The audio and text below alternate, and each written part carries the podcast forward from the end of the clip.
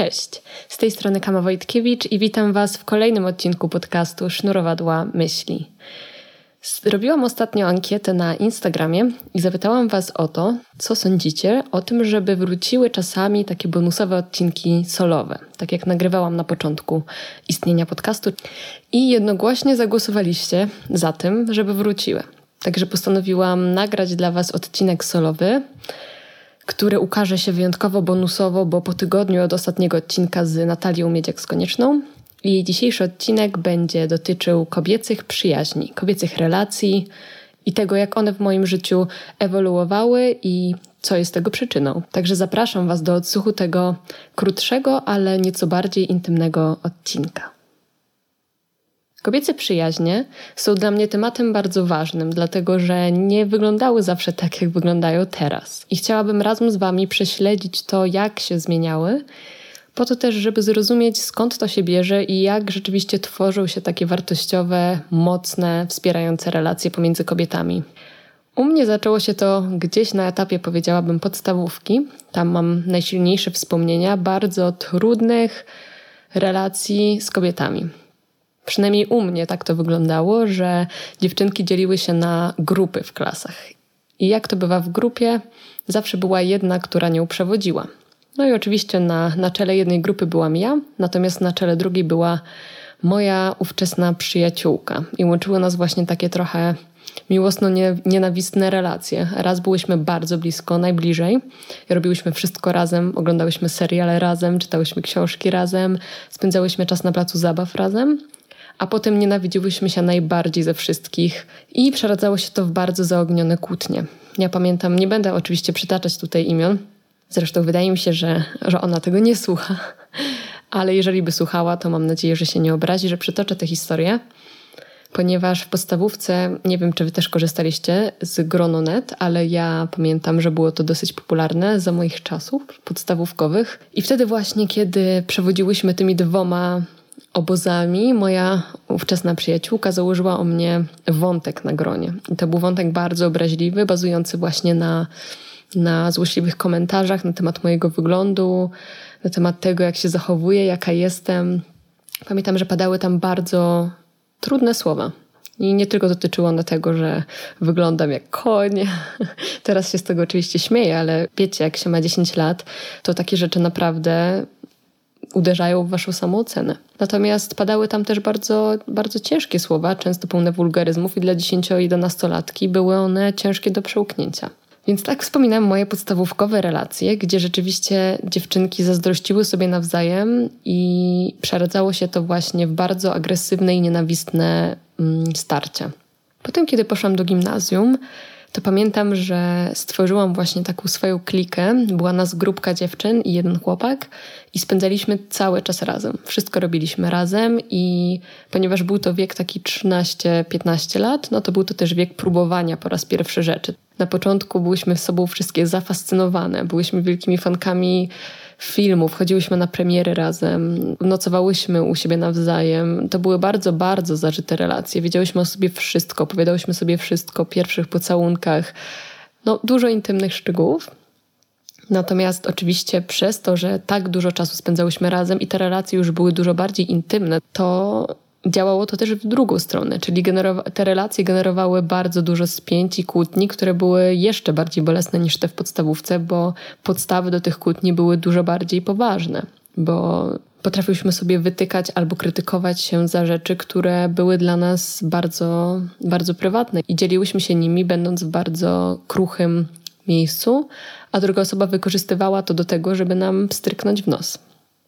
Więc w gimnazjum te relacje były jeszcze trudniejsze, powiedziałabym, niż w podstawówce i bazowały na takiej dynamice władzy w grupie. Czyli właśnie, jeżeli spadało się gdzieś na koniec w łańcuchu władzy, to dostawało się ostro po dupie.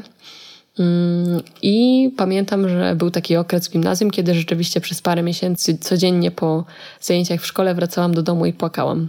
Nie wiem, czy też macie takie doświadczenia, ale dla mnie gimnazjum było bardzo traumatyczne pod względem budowania relacji. Chodzi mi tutaj głównie o przyjaźnie, które jednocześnie mm, były dla mnie bardzo odkrywcze, bo odkrywałam gdzieś siebie. Tak jednak z drugiej strony, przez to, że były tak intymne, były jednocześnie bardzo, bardzo bolesne dla mnie.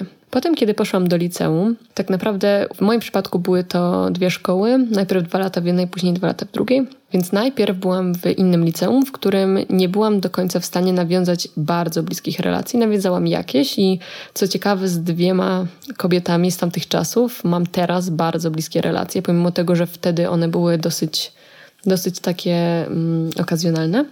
Natomiast w, w tym pierwszym liceum tak naprawdę miałam jedną najbliższą przyjaciółkę i dużo koleżanek. Ale jak to bywa w liceum, ym, zamiast właśnie łączyć się w takie grupy, zaczynamy się bardziej parować. Przynajmniej w moim przypadku zaczęły się to robić bardziej sparowane relacje. I, I jednocześnie oznacza to, że jeżeli coś się psuje pomiędzy wami, to wprowadzamy się w taki stan wyizolowania, osamotnienia, bo tej jednej przyjaciółki nagle dla nas nie ma. I tak też było w moim przypadku. Pamiętam, że uczepiłam się tej jednej osoby. Oczywiście z czasem zaczęłam pogłębiać relacje z innymi, natomiast na początku była to jedna osoba i, i nie czułam do końca tego osadzenia w grupie, nie czułam tego wsparcia, bo była, była to tylko jedna przyjaciółka, z którą i tak często dochodziło do kłótni.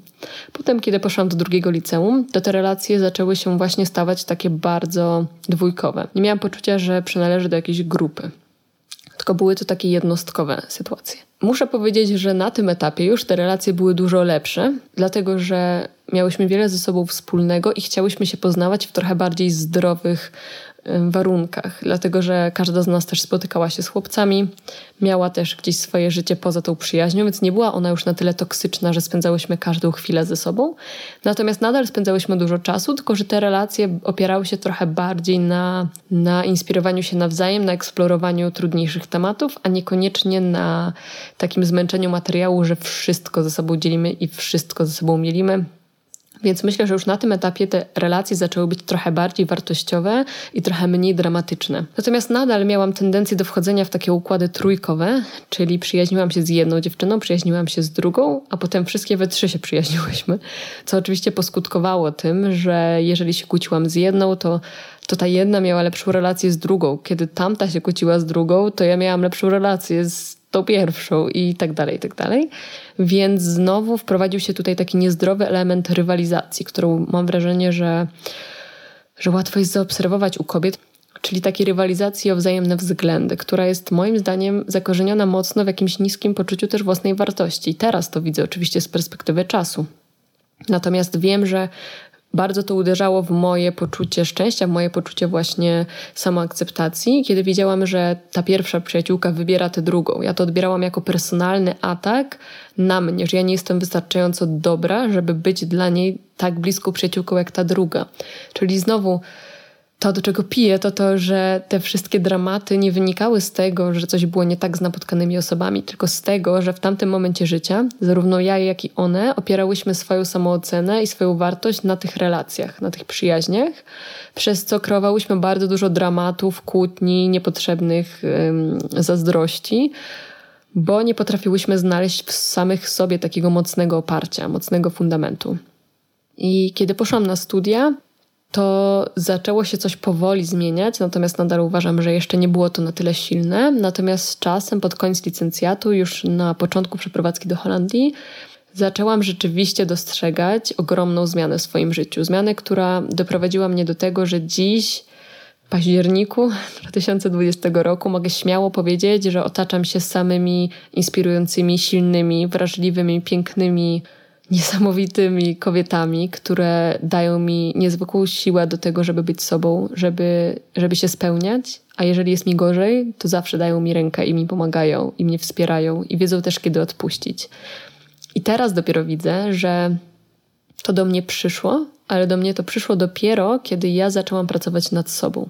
Te relacje z kobietami zaczęły być umacniające dopiero wtedy, kiedy ja zaczęłam szukać oparcia sama w sobie, kiedy poszłam na terapię, kiedy zaczęłam pracować nad tym, żeby lubić siebie na tyle, żeby być też osobą, która jest w stanie uwierzyć w to, że ktoś inny może mnie polubić na tyle, żeby się ze mną przyjaźnić i się ze mną wiecznie nie kłócić. I myślę, że to było dosyć kluczowe i to jest coś, co bardzo chcę, żeby wybrzmiało i żeby z Wami może zostało, że nasze relacje z innymi ludźmi tak naprawdę są, w moim doświadczeniu, w moim odczuciu oczywiście, są zwierciadłem tego, co dzieje się w nas.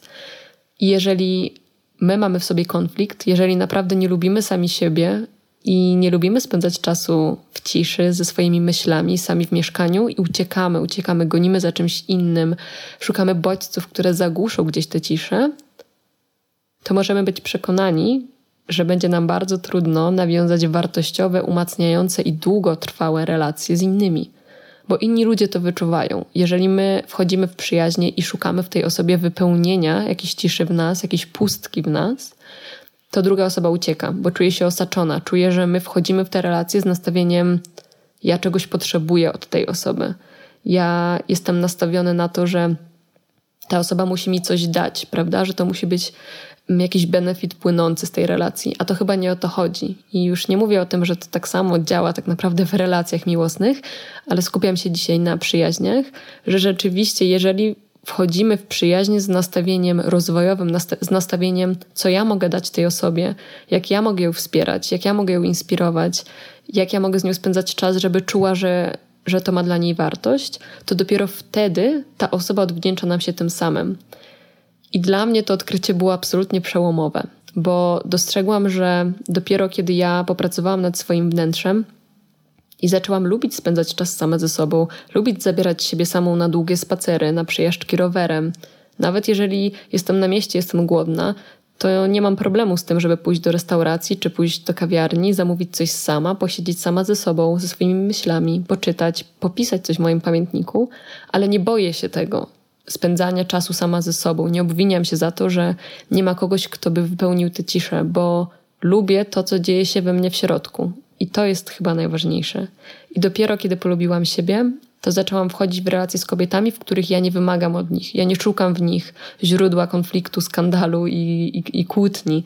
Ja nie potrzebuję, żeby one miały naszą przyjaźń na wyłączność. Ja nie potrzebuję, żeby one nie miały innych przyjaciółek, żeby one nie spędzały czasu z kimś innym, bo to nie budzi już we mnie zazdrości. I nie chodzi o to, że jestem w relacji i teraz już mogę mieć przyjaźnie, w których nie jestem zazdrosna, bo to wcale tak nie działa. Chodzi o to, że przestałam dopatrywać się w tych przyjaźniach rozwiązania na moje zagwozdki, moje problemy, a zaczęłam patrzeć na nie, na nie jako na źródło inspiracji i źródło ciekawego wsparcia w moich codziennych chwilach, ale przestałam od nich wymagać. I myślę, że to jest kluczowe. I to chciałam Wam też dzisiaj przekazać, że ja przynajmniej widzę ogromną siłę w kobiecych relacjach, dlatego że sama otaczam się teraz kobietami, które we mnie wierzą. Kobietami, które słuchają mojego podcastu, czytają moje artykuły, chcą wiedzieć, co się u mnie dzieje, interesuje je to, co mam do powiedzenia, a kiedy potrzebują ciszy, potrzebują chwili dla siebie, to nie boją się mi to komunikować, nie boją się mówić o swoich granicach, o tym, że dzisiaj potrzebują pobyć same i muszą przełożyć spotkanie, i to też jest okej. Okay. I ja przestałam brać takie sygnały do siebie jako wyraz jakiejś dezaprobaty, wyraz tego, że ja nie jestem wystarczająco dobra, żeby spędzać czas z tymi osobami. Absolutnie nie. Zaczęłam rozumieć, co to znaczy zdrowe stawianie granic, i przełożyło się to gdzieś na moje relacje właśnie z kobietami. I w efekcie ostatnio właśnie prowadziłam taki dzienniczek wdzięczności i zaczęłam sobie zapisywać, za co cenię każdą kobietę w moim życiu. I wyszło mi ich dziesięć i nie mówię tutaj o cechach, mówię o kobietach. Wyszło mi 10 bardzo bliskich mi kobiet, które w jakiś sposób mnie inspirują i za coś je podziwiam w swoim życiu. I wgniotło mnie to dosłownie w fotel, kiedy zdałam sobie sprawę, że jest ich aż 10. I nie są to kobiety, z którymi mam relacje smoltokowe, są to kobiety, które rozmawiają ze mną o bardzo fundamentalnych i ważnych dla mnie sprawach. Od miłości po żal, po smutek, po śmierć, po po relacje, po samoświadomość, po samoakceptację. Wszystko. To są właśnie kobiety, z którymi dzielę tak ważne dla mnie tematy. I poczułam ogromną wdzięczność za to, że mogę śmiało powiedzieć, że mam tyle silnych, pięknych, wrażliwych kobiet w swoim kręgu.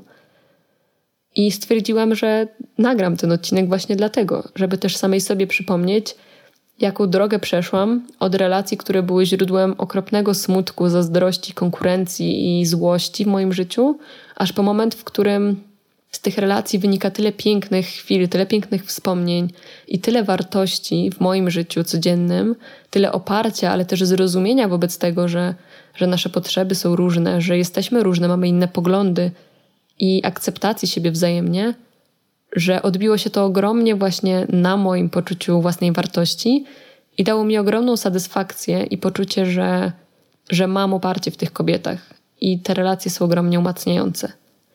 Pomyślałam, że podzielę się z Wami tą historią nie dlatego, że, że chcę Wam mówić, jakie macie mieć przyjaźnie, tylko żeby pokazać Wam, że, że kobiece relacje są złożone, są często trudne, ale że jeżeli włoży się pracę w polubienie samej siebie, jeżeli zacznie się naprawdę mocno zastanawiać nad tym, co ten wewnętrzny głos nam mówi, jaka część nas jest niezaopiekowana i poświęcimy czas na to, żeby dać sobie to ukojenie, dać sobie tę miłość, to to przepięknie później zapracuje na naszych relacjach, na naszych przyjaźniach z innymi. Myślę, że z mężczyznami też. Nie chciałabym, żeby to wybrzmiało tak, że chodzi mi tylko o kobiety, natomiast w moim życiu szczególnie odbiło się to na relacjach z kobietami, a że jest to odcinek solowy, w którym dzielę się moimi doświadczeniami, to skupiłam się na relacjach z kobietami. Także bardzo Wam dziękuję, że chcieliście wysłuchać tego krótszego odcinka, ale dużo bardziej dla mnie osobistego. Mam nadzieję, że znaleźliście w nim jakieś źródło ukojenia albo mocy. Dajcie koniecznie znać na Instagramie sznurowadła.myśli, jakie są Wasze relacje z kobietami i jak one ewoluowały. Jestem naprawdę bardzo ciekawa, czy macie podobne doświadczenia, czy wręcz przeciwnie.